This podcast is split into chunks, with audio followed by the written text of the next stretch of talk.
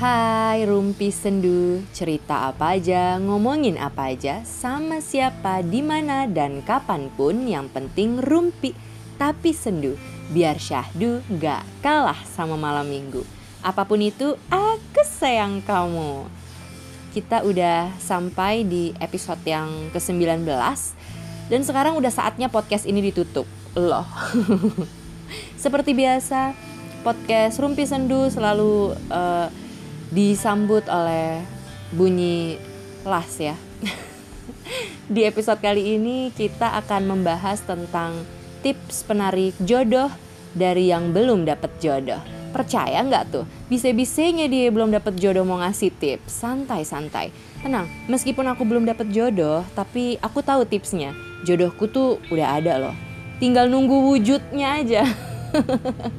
nah, jadi pertama-tama pertama-tama kalau kita pengen dapet jodoh kita itu harus nyari jangan pasif ya say contoh tuh lagunya Wali. Timur ke barat selatan ke utara tak juga. Aku dapatkan deng deng deng dari musim duren hingga musim rambutan tak juga. Aku temukan Oh Tuhan ini kecobaan Kayak gitu loh. Sama kayak mau dapet kerja otomatis harus nyari kan. Nggak mungkin dong tiba-tiba perusahaan ngehubungin kita terus nawarin kerja di sana. Ya bisa sih kalau kita punya link dan udah punya nama orang-orang udah pada banyak tahu kemampuan kita tuh kayak apa gitu. Jadi kita lah yang dipanggil. Sama juga kayak buat dapet jodoh. Bisa aja jodoh yang nyamperin kita tapi kita harus aktif dong berarti punya pertemanan yang luas, punya kenalan banyak dan punya kualitas. Lantas, gimana nih kakak kalau mau menarik atau memikat jodoh supaya datang pada kita? Gila ya. Itu gampang banget.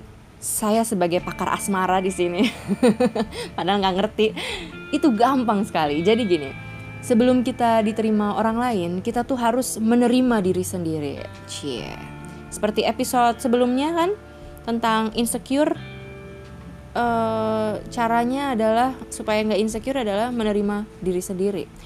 Dan itu sangatlah susah dan itu tidak didapatkan dengan waktu yang cepat juga karena proses menerima diri sendiri adalah proses seumur hidup kadang hidup kita di atas, kadang hidup kita di bawah, kadang kita menderita, kadang kita bahagia. Eh, jumawa tuh. Jadi, gimana caranya kita menjalani kehidupan ini dengan perundingan-perundingan antara pikiran dan hati dan antara aku di dalam diriku ada aku sangat banyak aku. Gitu kalau kata Mbah Tejo. Mbah Sujiwo Tejo.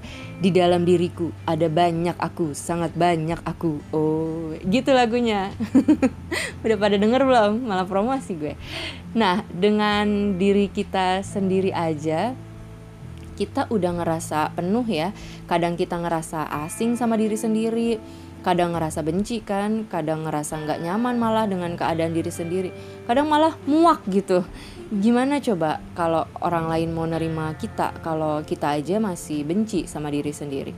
Bisa aja ada yang mau nerima kita tapi karena kitanya nggak terima diri kita otomatis usaha-usaha yang dilakukan orang lain tuh gagal karena kitanya yang selalu menjatuhkan usaha itu kan. Kayak misal ada yang sayang banget sama kita dan tahu kekurangan kita dia nerima dia bahkan ngebantu kita buat bangkit dari permasalahan yang ada di dalam diri kita itu. Tapi tapi kitanya tuh nolak. Kita malah sering bilang Gak mungkin sampai kapan pun aku emang kayak gini. Aku emang gak pantas buat siapa-siapa. Aku emang manusia paling buruk di dunia ini. Gak akan ada yang bisa nerima aku. Aduh gimana ente mau dapet jodoh? Belum apa-apa udah kayak gitu. Iya kan Itu kalau udah ketemu orang kayak gitu uh, Rasa pedihnya tuh berasa gitu. Um, kayak kita tuh perlu sabar banget uh, buat menghadapi orang kayak gitu gitu. Kalau emang ngerasa nggak pantas buat siapa-siapa ya nggak apa-apa tapi tolong dong terima orang yang berusaha membantu kamu jangan sampai rasa benci kamu terhadap diri sendiri justru menyakiti orang lain atau jangan sampai penderitaan kamu justru membuat kamu menghancurkan hidup orang lain. Orang kalau udah mau membantu kita itu kan berarti dia meluangkan waktu ya. Dia membuang tenaganya, perasaannya, pikirannya buat kita. Terus kenapa kita malah mematahkan semangat dia gitu kan? Kalau emang gak mau dibantu siapa-siapa, ya cari cara gimana biar bisa menerima keadaan itu menerima kekurangan, menerima kelebihan, beradaptasi dengan apa pun yang akan terjadi. Zaman sekarang tuh udah banyak kan akun-akun yang membahas tentang kesehatan mental. Kita bisa baca, kita bisa belajar meditasi atau yoga atau apa pun. Jangan sampai kita malah nyaman dengan keadaan depresi itu. Dan jangan sampai juga sebenarnya depresi itu cuma alasan aja karena kita nggak mau berkembang. Itu kan hanya kita yang tahu kan? Jadi aku pernah ke rumah sakit jiwa ada seminar gitu. Dan narasumbernya itu kan selain psikiater adalah uh, uh, narasumbernya para pasien di sana. Dan dari situ kelihatan gitu mereka semangat buat sembuh. Kan kalau udah bener-bener sakit tuh nyembuhinnya lebih berat kan? Tapi mereka tuh kayak yang berusaha untuk lebih sehat jiwa dan raga gitu. Dan itu tuh benar-benar pas ke sana tuh benar-benar kerasa banget gitu semangat mereka. Jadi mungkin buat yang merasa hidupnya nggak berharga nggak pantas buat siapa-siapa yuk uh, kita pergi keluar. Kita berkunjung ke tempat yang lebih jauh. Kita melihat keadaan sekitar supaya nggak berkutat sama permasalahan diri sendiri uh, kita lihat di luar sana tuh banyak banget yang punya masalah kayak kita. Bahkan bisa jadi banyak yang lebih buruk. Cari tahu gimana caranya mereka bangkit gimana orang-orang hebat bertahan. Dan percaya gitu kalau kita tuh nggak akan pernah sendirian. Yang punya masalah berat itu bukan cuma kita gitu. Jadi emang paling enak kalau kita itu berbagi dan tentu sama orang-orang yang kita percaya ya. Atau yang emang bener-bener kita tahu nggak akan uh, menjatuhkan kita udah tahu kita lagi depresi eh malah dijatuhin ya kan? Seringnya orang kalau ada masalah tuh berasa dirinya paling menderita pasti. Kayak misal gue tuh anak broken home gue tuh nggak pernah bahagia. Padahal itu temen-temen satu gengnya bisa jadi juga punya masalah keluarga juga gitu. Kayak AADC lah. Kok bisa nggak ada temennya yang tahu kalau si Alia itu broken home padahal mereka selalu bersama padahal hubungan mereka sangat akrab padahal mereka nggak saling benci otomatis empatinya tinggi dong. Maka dari itu kita nggak usah berharap orang-orang akan peduli sama kita. Nggak usah berharap kita posting di sosmed ngegores tangan pakai pisau terus darahnya pada ngucur dan kita ungkapkan kesedihan kita lalu bakal orang-orang tuh bakal komen semangat ya aku sayang kamu bla bla bla bla. Nggak semua orang punya kesempatan dipedulikan ketika bercerita apalagi ini sosmed loh jangkauannya luas siapa aja ada di sana. Sahabatan aja banyak kok yang nggak ngerti keadaan sesama sahabatnya. Gimana ya kalau kita terus-terusan menganggap akan ada orang yang menyelamatkan kita dari kesedihan kayak judul buku kita bakal jadi orang yang selalu meminta-minta jadi orang yang mudah menyerah jadi orang yang pengecut dan kalau kita nggak mendapatkan itu kita malah jadi caper memaksakan keadaan dan nggak akan damai kalau kayak gitu kan kalau kita ngerasa jiwa kita bermasalah kita olahraga. Kalau kita merasa badan kita bermasalah kita perbaiki perasaan kita. Gitu kalau kata psikiater yang aku ikutin seminarnya cie. Dan aku pun udah nyoba. Uh, dari pulang dari situ aku bertekad oke okay, akan aku coba gitu kan. Yang tadinya aku ini anaknya geng benci olahraga banget dan suka makan yang enggak-enggak dan um, udah dari awal Maret itu sampai hari ini aku udah rutin olahraga dan mengubah pola hidup dan banyak banget perubahan dari mood, pikiran, kesehatan juga. Lebih peduli sama diri sendiri, lebih menghargai diri sendiri dan tiap kumat gitu ya hal-hal yang buruk yang bergejolak di dalam jiwa ini pasti langsung menjauhi sosmed, mendekati hal-hal yang bermanfaat gitu. Walaupun biasanya susah ya ketika sedih melakukan hal-hal yang bermanfaat, ya aku lebih memilih untuk tidur. Tidur dong. pernah aku bulan apa ya hmm, bulan kapan gitu mulai bandel tuh pernah mulai begadang lagi mulai makan nggak sehat lagi langsung bereaksi juga gitu di badan. Moodnya kacau lagi nggak produktif lagi banyak bengongnya banyak makan asin banyak makan gorengan lagi banyak jajan ciki ya kan? Secara anaknya MSG banget. Karena aku nggak mau menjadi jihan yang dulu asik. Jadi aku kembali ke jalan yang benar lagi kembali mengatur pola hidup. Kayak gitu-gitu aja terus ada fase yang susah buat tidur di jam 10 ya susah banget karena aku dari SMP itu udah rajin begadang. Bukan rajin belajar saya adalah anak sekolah yang rajin begadang. Dan kuliah itu aku udah jarang tidur tuh jadi bener-bener udah terbiasa banget dengan pola hidup seperti itu. Aku biasanya kayak pas kuliah tuh ya uh, lebih seringnya tuh tidur pagi. Terus pilih jam kuliah itu siang jadi tidur pagi bangun siang gitu. Apalagi aku emang uh, udah lama banget dengan pola hidup yang seperti itu. Jadi di tahun ini ketika aku ingin mengubah terasa susah banget gitu buat ngubahnya kan. Tapi karena udah berbincang dengan diri sendiri udah menerima bahwa aku dengan diri aku ini memiliki dua kutub ada negatifnya ada positifnya. Kadang mau begini kadang mau begitu ya udah cari jalan keluarnya aja gitu kan. Jadi kadang tetap bermalas-malasan kadang begadang kadang kalau emang diperlukan gitu buat begadang. Tapi kalau misalkan kayaknya nih bisa nih kalau bangun lebih pagi tidur lebih cepat bangun lebih pagi kayaknya bisa nih. Jadi nggak perlu begadang gitu. Jadi banyak yang uh, akhirnya selalu mengatur strategi motor ya bener-bener deh. Selalu mengatur strategi gitu. Uh, terus kayak kalau misalkan harus banget begadang atau ya kebablasan nih enak nih begadang ya nggak apa-apa lah sekali-kali gitu kan. Nah itu aku uh, bertekad harus besok bangunnya itu di jam yang sama ketika uh, kayak kamu tidur seperti biasa yang udah mengubah pola hidup sehat itu gitu. Jadi misalkan aku kebablasan tidur jam 2, bangunnya tetap harus jam 4 dan itu udah konsekuensinya syukurin lo siang nggak boleh tidur kayak gitu. Nah, berarti pas malamnya tidur lebih cepet gitu jam 9 kayak udah ngantuk kan gitu ya.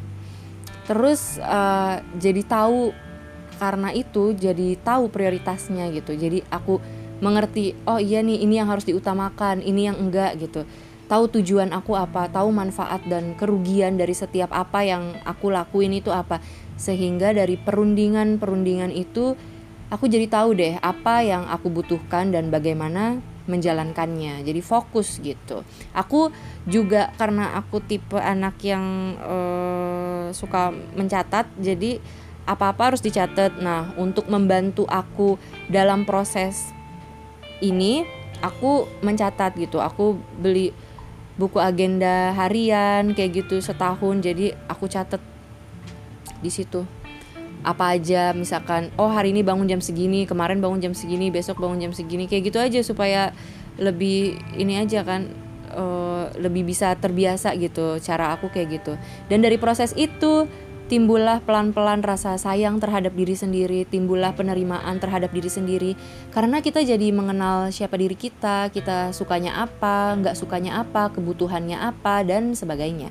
Jadi kayak apa ya? Kalau kita mau sakit tuh cepet banget, tapi kalau kita mau sehat tuh prosesnya selamanya. Nah itu deh hanya kita yang tahu bagaimana keadaan dan kemampuan kita, jangan sampai orang lain yang lebih mengenal kita daripada diri kita sendiri. Kalau kita udah menerima diri sendiri tuh efeknya jadi lebih percaya diri kan karena kita udah yakin sama apa yang kita punya, kita tahu kelebihan, kita tahu kekurangan kita tanpa merasa kurang atau merasa lebih dari orang lain. Selain itu kita juga nggak jadi gampang heboh gitu jadi lebih bisa mengontrol, lebih bisa bijak mengambil keputusan, lebih tenang dan gak gampang baper pastinya, pastinya. Karena punya pengendalian. Orang-orang yang bentar-bentar baper, dideketin baper itu bisa jadi karena merasa rendah diri. Jadi ketika ada yang dateng cuma kasih perhatian dikit aja, rasanya tuh udah kayak luar biasa banget, luar biasa banget. Nah, kalau kita menerima diri kita, otomatis hal-hal kayak gitu akan berkurang karena perasaan kita tenang jadi nggak mudah terbawa arus ya kan? Kita bisa berpikir dulu atau nanya sama orang yang kita percaya. Kalau misalkan kita deket sama orang gitu menurut lo dia gimana? Intinya nggak terburu-buru lah mengambil keputusan dan mengambil kesimpulan atas apa pun yang terjadi dan terasa terasa ya Barangkali aduh enak banget ya diperhatiin, disayang-sayang. Eh tahan dulu, jangan mudah terbuai oleh kenikmatan. Sesungguhnya yang indah itu akan datang di waktu yang tepat, sedangkan yang nikmat itu hanya sesaat. ya kalau hidup lo mau yang nikmat-nikmat doang, ya udah. Tapi jangan nyakitin hati orang. Berunding dulu, lo mau nggak enak-enak, tapi nggak pakai baper. Bukan begitu cuy. Dan pastinya harus tegas ya kan kita masing-masing kan punya hal-hal sensitif ya. Kayak misalnya aku nih aku tuh nggak bisa ada orang yang manggil aku tuh sayang apalagi cowok yang suaranya berat terus dalam gitu terus yang kayak laki banget gitu terus manggil aku sayang. Itu tuh aku nggak bisa. Nah jadi awal mulanya cerita nih awal mulanya dulu ada teman seangkatan dari awal masuk udah cakep kan. Intinya selera aku banget lah gondrong kerempeng mata beler. Jadi tahu dong ya cowok cakep menurut gue sama cowok cakep menurut Allah itu pasti beda jauh. Awal-awal tuh aku sering liatin kan ih cakep nih pengen deket tapi nggak usah lah gitu kan. Aku uh, cari fokus yang lain deh gitu. Aku nggak mau berharap nih banyak yang suka sama dia gitu. Terus dia tipikal bad boy banget gitu ya kan. Jadi menggoda tapi ah males ah banyak banyak yang suka gitu. Nggak sanggup saya. Nah terus pas beberapa semester kemudian aku nggak tahu kenapa tiba-tiba dia ngedeketin aku awalnya nanya nanya tugas lama-lama ngobrol lama-lama minta tolong lama-lama dia minta aku sekelas terus sama dia dan lama-lama dia manggil aku sayang. Mending sayangnya cuma lewat chat. Ini ketemu langsung juga manggil sayang kadang beb. Terus di depan orang-orang juga dia kadang manggil aku tuh kayak gitu gitu. Jarang banget dia manggil aku nama. Sampai aku tuh lupa nama aku sendiri. Jadi kalau misalnya kenalan sama orang nama kamu siapa? Sayang. Itu tuh karena karena bohong deng senyumnya manis banget. Loh kok jadi gini? Tatapannya aduhai banget jujur itu cobaan paling berat dalam hidup aku. Iya emang hidup gue tuh enak banget. Jadi tuh cobaan terberat gue tuh ya kayak gini. Dan ujungnya Dia akhirnya punya pacar tuh. Di luar sekolah. Dan lama-lama kita udah nggak deket lagi dong. Terus kita udah nggak pernah sekelas lagi. Akhirnya ya menghilang aja gitu. Nah kalau sama dia itu dibilang baper enggak tapi dibilang menikmati iya banget. Jadi kayak ada rasa senang-senangnya aja gitu. Dan kayak ngerasa apa ya uh, ih dari sekian banyak cewek yang bantu dia yang suka malah sama dia bahkan ada yang dari awal sampai akhir tuh bener-bener ngejar dia tapi aku yang dipanggil sayang dan dia ngebutuhinnya aku. Ya nggak tahu sih di belakang tapi uh, aku kayak merasa sok cantik aja gitu. Dan kenapa aku nggak baper? Karena aku membatasi hubungan juga. Jadi aku nggak ngechat dia duluan kecuali kalau butuh. Aku menjaga perasaan aku aku mencoba tegas untuk tidak berpikir terlalu panjang. Jangan sampai aku yang berharap. Jadi maaf aku sendakwa tapi nggak kedengeran kan? Jadi kayak ya udahlah ikutin aja. Tapi aku nggak pengen uh, apa-apa gitu dari dia. Nikmatin aja enak ini kan gitu di pikiran aku. Dan aku ngerasa yakin kalau aku dimanfaatin sama dia. Jadi ngapain aku harus berharap gitu? Paling juga dia mau manfaatin kali biar uh, apa ya tipikal anak-anak bad boy gitu males males ngerjain tugas segala macem. Paling uh, ngedeketin gue cuma buat nanya-nanya tugas cuma buat cari aman nanya apa bantuin dong ngerjain tugas kan kayak gitu ya. Dan kebetulan aku senang bermanfaat bagi orang lain jadi ya aku enjoy. Dan itu pertama kali aku dipanggil sayang sama cowok. Oke. Okay. jadi kenang-kenangan pernah dipanggil sayang. Tapi ternyata efeknya dong mungkin aku alay kali ya. Jadi karena ngerasa enak dipanggil sayang suaranya dia yang berat kayak gitu jadi aku pas deket sama cowok tuh aku nggak mau ada yang manggil aku sayang gitu yang nggak gampang manggil aku sayang. Karena pendengaran aku jadi sensitif sensitif sama kata itu. Pokoknya makasih banget buat kamu yang memberikan aku pengalaman sayang-sayangan itu. Walaupun sampai sekarang aku nggak tahu ya tujuan kamu dulu kayak gitu ke aku tuh apa tapi aku positif thinking aja. Kamu ingin berbagi uh, pahala gitu dengan cara memanfaatkan aku dan kamu membuat aku senang. Hore. Kalau emang mau manfaatin sih sebenarnya nggak usah kayak gitu juga ya santai aja. Tapi mungkin juga kamu merasa aku ini fakir asmara kali ya jadi kamu menghibur aku. Pokoknya makasih banget semoga selalu bahagia. Kenapa gue bilang makasih ya? Jadi aku berpikir orang-orang yang gampang baper sepertinya usaha untuk bertahan dalam menjaga perasaan tuh kurang besar gitu. Jadi ke bawah arus aja gitu tapi tanpa ada batasan. Oh kalau udah begini harus berhenti nih oh gue nggak mau sakit hati nih. Oh gue harus menjauh nih gitu kan. Kayak aku waktu itu cerita kayak cerita ini gitu ke temen aku. Aku dipanggil sayang sama ini, sama temen cowok gini gini gini. Terus dia yang ya allah gue baper gitu. Padahal dia bukan dia yang digituin gitu tapi dengan semudah itu dia baper gitu. Orang yang baperin kita tuh kan bisa jadi emang nggak niat loh bisa jadi emang dia baik hati perhatian atau bisa jadi dia penyayang bisa jadi gaya komunikasinya kayak gitu. Jadi kita yang um, harus mengendalikan diri juga. Nah langkah selanjutnya setelah kita bisa menerima diri sendiri adalah kita harus aktif. Eh setelah kita menerima diri sendiri dan tegas langkah selanjutnya adalah uh, kita harus aktif tapi nggak agresif. Dulu aku kan ngegebet anak STM ya pas sekolah. Pertama kali aku ketemu tuh di masjid. Anjay. Jadi dia lagi duduk dan asli bening banget, segar bersih itu pertama kalinya aku ngerasain ternyata bisa ya jatuh cinta pada pandangan pertama. Pas ngeliatin dia tuh langsung tiba-tiba deg-degan. Dan itu juga pertama kalinya aku suka sama cowok yang putih. Biasanya selera aku tuh kumel ya. Nggak nggak suka cowok yang terlalu ganteng. Itu kayak aduh aduh ganteng banget. Nggak nggak nggak mau gitu. Jadi ini pertama kalinya itu itu pertama kalinya. Terus dalam hati aku bilang ya Allah di depan masjid dalam hati aku bilang ya Allah ini ya Allah. Gitu. Sampai tiap jam sholat itu aku pantengin terus dan aku pikir dia anak SMA ya gitu. Jadi aku mantengin ih oh ini oh ini nih anak SMA nih pasti dia di antara ini. Dan ternyata dia anak STM gitu. Kaget dong ada ya anak STM sebening itu gitu. Dan dia nggak pernah muncul terus aku yang ya udahlah sekolah ini terlalu luas untuk menemukan satu orang yang baru aku lihat satu kali. Walaupun aku inget banget ya mukanya. Setiap aku inget juga deg-degan terus. Sampai akhirnya tiba-tiba ternyata kita dipertemukan di satu acara.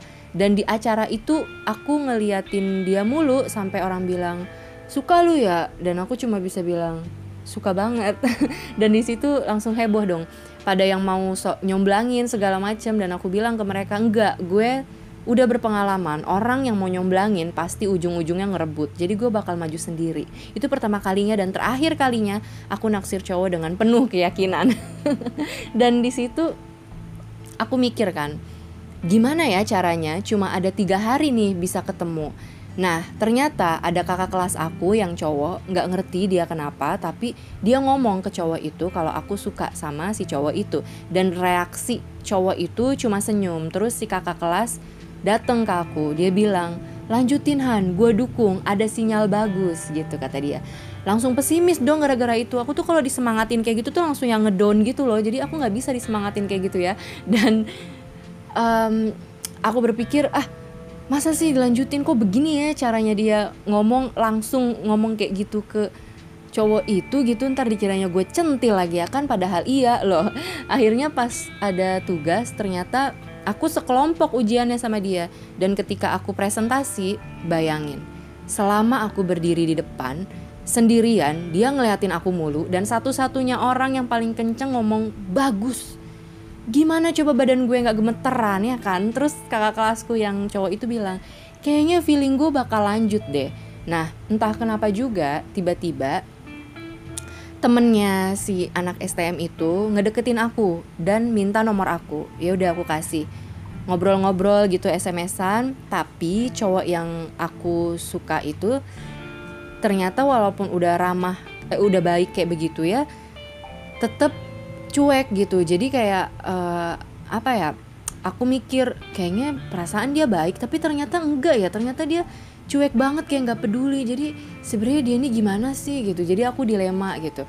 Sampai akhirnya acara selesai udah nggak ketemu. Dan anak STM yang minta yang minta nomor aku itu bilang kamu suka ya sama teman aku? Mau nggak nomornya? Deketin aja dia baik kok gitu. Terus kaget kan. Loh kok dia bisa tahu ya? Kayak gitu-gitu. Nah akhirnya aku coba aku beraniin diri buat SMS cowok yang aku suka itu beberapa minggu kemudian. Dan ternyata dia masih inget aku dan kita deket. Dia ngerespon aku selama tiga tahun sekolah. Tapi hubungan kita nggak berkembang. Coba lu bayangin kenapa bisa kayak gitu? Karena aku sadar ternyata dia nyaman sama aku sebagai teman. Kita temenan aja ya. Ya gimana dia mau naksir kan ya? Dia aja manggil aku Bambang gitu. Jadi mau diapain pun tetap aja gue laki di mata dia. Emang salah punya teman-teman anak STM tapi gebetannya juga di STM akhirnya gue nggak punya wibawa gitu sebagai perempuan. Selera gue anak STM tapi anak STM mandang gue laki, laki juga gitu. Jadi kan nggak kelar-kelar gitu.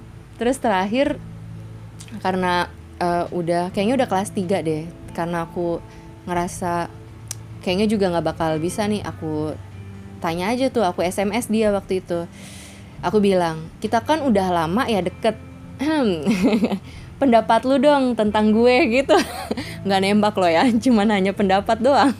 Pendapat lu dong tentang gue. Terus dia jawab lo humoris aktif ceria asik seru apa adanya. Gitu tuh kata dia. Seneng dong aktif ya gitu mikir berarti aku aktif nih makanya akhirnya bisa deket sama dia. Dan aku pikir emang kalau kita cuma nunggu orang yang kita suka itu maju duluan ya nggak akan mungkin. Kitanya yang suka masa dia yang maju otomatis kita harus coba mendekat seenggaknya sebagai kenalan dulu kan. Dan itu pertama kalinya aku bisa deketin cowok yang aku suka biasanya dipendem atau sok-sok dicomblangin orang padahal mereka yang jadian. Apalagi kalau udah kayak aku tuh kayak semesta tuh mendukung gitu. Pertamanya nggak sengaja lihat di masjid, eh tiba-tiba ketemu di suatu acara sekolah, tiba-tiba ketahuan sama orang kalau aku suka dan mereka mau bantu, tiba-tiba ada temennya dia yang deketin aku dan juga mau bantu berarti kan semesta mendukung nah kalau aku diem aja otomatis gak akan pernah bisa deket kan seringnya tuh kita takut ya buat mulai duluan kayak udah mundur aja lah gitu sebelum berperang padahal ya coba dulu aja urusan nanti dia suka apa enggak yaitu belakangan. Lagian yang penting tuh melatih diri untuk berani jatuh cinta sekaligus patah hati kan. Bukan soal diterima atau enggaknya, nikmati aja proses kehidupan. Nah, Cuma ada temanku bilang kalau suka sama orang jangan ngajak dia curhat. Jadi kayak nanya mantan-mantan lo kayak gimana gitu. Akhirnya itulah yang bikin dia nyaman jadi temen karena seringnya jadi ngomongin masa lalunya dia. Sampai akhirnya aku sadar, oh iya ya ini bener nih gue banget nih gitu kan. Sampai aku tuh akhirnya juga jadi inget gitu. Aku bahkan sampai sekarang masih inget siapa mantan dia yang paling dia sayang? Gila gue teman yang baik banget kan? Jangan ditiru ini ya karena sudah pasti gagal seperti saya. Kalau suka jangan tanya masa lalu. Kalau emang niat berteman ya terserah tapi kalau suka jangan mengorek-ngorek hal-hal seperti itu. Nanti aja kalau udah jadian kata teman aku gitu dan hati-hati juga ada temen aku yang dia udah nggak pernah ngomongin masa lalu, tapi ternyata si cowok ini curhat tentang masa lalunya. Otomatis cewek gampang banget iba dan di situlah para fuckboy mengambil kesempatan dan mereka dengan mudahnya jadian. Terus akhirnya mereka putus. Si cowok ini ngedeketin cewek lain dengan cara yang sama. Jadi kita emang harus pinter ya saya jadi perempuan. Kita juga harus menjemput bola. Eh bukan jadi perempuan aja, jadi laki-laki juga jadi harus pinter gitu harus waspada harus menjemput bola harus aktif tapi nggak agresif. Preh tapi nggak agresif. Agak belibet nih kalau nyebut kata agresif. Nggak yang tiba-tiba uget-uget gitu di depan orang yang kita suka terus nyanyi bibir diberi kecupan bibir diberi kecupan bibir diberi kecupan kecupan sayang. Mwah. hari ini spesial lagu dangdut. Nggak kayak gitu ya jangan. Tips selanjutnya banyakin kegiatan dan pengalaman untuk menjaga kualitas hidup kita. Banyak-banyakin ikut kelas misalnya ikut seminar, event, pengajian, acara olahraga, nonton bareng banyak lah. Ketika kita punya banyak kegiatan otomatis banyak pengalaman juga karena kita bertemu banyak orang, bertemu banyak situasi yang berbeda-beda, lingkungan yang berubah-ubah, kita akan lebih luas sudut pandangnya dan tentu bakal uh, mengubah kita dalam memandang percintaan belajar dari pengalaman, dari cerita-cerita orang juga gitu. Jadi kayak misalnya dulu aku pikir orang kalau mencintai itu harus rela ngelakuin apa aja demi aku. Uh, tapi ketika bertemu banyak orang, mendekati banyak karakter, akhirnya jadi mengubah pemikiran itu. Ya nggak selalu begitulah. Ya lihat kondisi lah, ya jangan maksa lah kayak gitu. Terus otomatis um, pertemanan kita tuh jadi luas kan, jaringan kita juga jadi luas, bisa menambah pekerjaan, bisa menambah kenalan yang mungkin juga uh, jodoh kita adalah temannya dari temannya teman-teman teman-temannya kita. Coba kalau kita cuma dari kantor ke rumah, kantor ke rumah, mall, kantor rumah, mall. Udah gitu ke mallnya sama temen teman-teman dan cuma sama teman-teman dan cuma ngobrol gitu. Kan menutup jalan ya lingkupnya di situ-situ aja gitu nggak nggak meluas. Jadinya tuh monoton dan akhirnya hanya berharap tanpa beraksi. Terus yang paling penting nih menutup hati boleh tapi jangan menutup diri. Eh, sering terjadi pengen nikah di usia muda tapi kerjaannya menutup diri. Siapa nih yang kayak gini? Nggak mau bergaul nggak mau coba kenalan sama cowok atau cewek. Di chat aja kayak sok jual mahal. Padahal sebenarnya kalau ada orang yang ngedeketin kita bukan berarti dia mau langsung pacaran gitu loh. Jadi pentingnya membuka diri gitu. Menutup hati boleh tapi jangan menutup diri gitu ya beda. Kebanyakan orang tuh deketin cewek atau cowok sih emang kadang pengen ngegebet ya. Terus kalau nggak cocok tinggal gitu cari yang lain. Padahal seharusnya kalau nggak cocok tetap bisa akrab berteman gitu. Karena kita nggak tahu rezeki kita tuh di mana. Bisa jadi jalannya lewat silaturahmi. Dan rezeki itu kan bukan cuma uang. Jadi kayak mulai coba buat membenahi pola pikir gitu. Jangan karena cewek dideketin cowok terus aduh dia bukan selera gue nggak mau ah gue jauhin ah dia jelek gitu. Padahal bisa diajak temenan. Dan buat orang yang suka mulai belajar slow gitu. Sama-sama yuk kita belajar slow gitu. Ditolak tuh bukan masalah yang heboh-heboh banget heboh. Karena semua orang mengalami cinta bertepuk sebelah tangan jadi nggak usah terlalu sedih dan merasa jelek banget gitu karena udah ditolak kita cuma salah langkah aja atau emang kita bukan seleranya dia aja. Eh banyak loh temen aku cewek-cewek yang cantik. Cantik banget. Tapi ternyata cintanya bertepuk sebelah tangan gitu. Jadi bukan karena kita jelek makanya kita ditolak. Bisa jadi emang bukan seleranya dia aja. Heh gue aja nih ya jelek-jelek gini gue nggak suka sama cowok yang six pack cowok keker. Itu gue nggak suka. Sukanya sama cowok kerempeng yang tulangnya kelihatan ya kan? Nah jadi kalau misalnya ada cowok yang keker ngedeketin aku terus aku nggak suka ya aku nggak apa-apa dong nolak gitu. Selera aku yang kerempeng kenapa lo? Gitu kan. Masalah yang sering terjadi tuh orang yang dikejar tuh belagu juga ya kan ya. Jadinya tuh merusak siklus PDKT gitu. Makanya kita sering merasa ragu. Nah yang kedua orang yang ngejar tuh terlalu ngotot. Jadinya bikin nggak nyaman gitu. Bahkan bisa sampai takut gitu. Ih udah dibilang baik-baik masih aja kayak begini kan orang ngeri juga ya. Terus yang ketiga terjadi kesalahpahaman. Lo ngegebet gue tapi kok kelakuan lo malah bikin gue ngedon sih?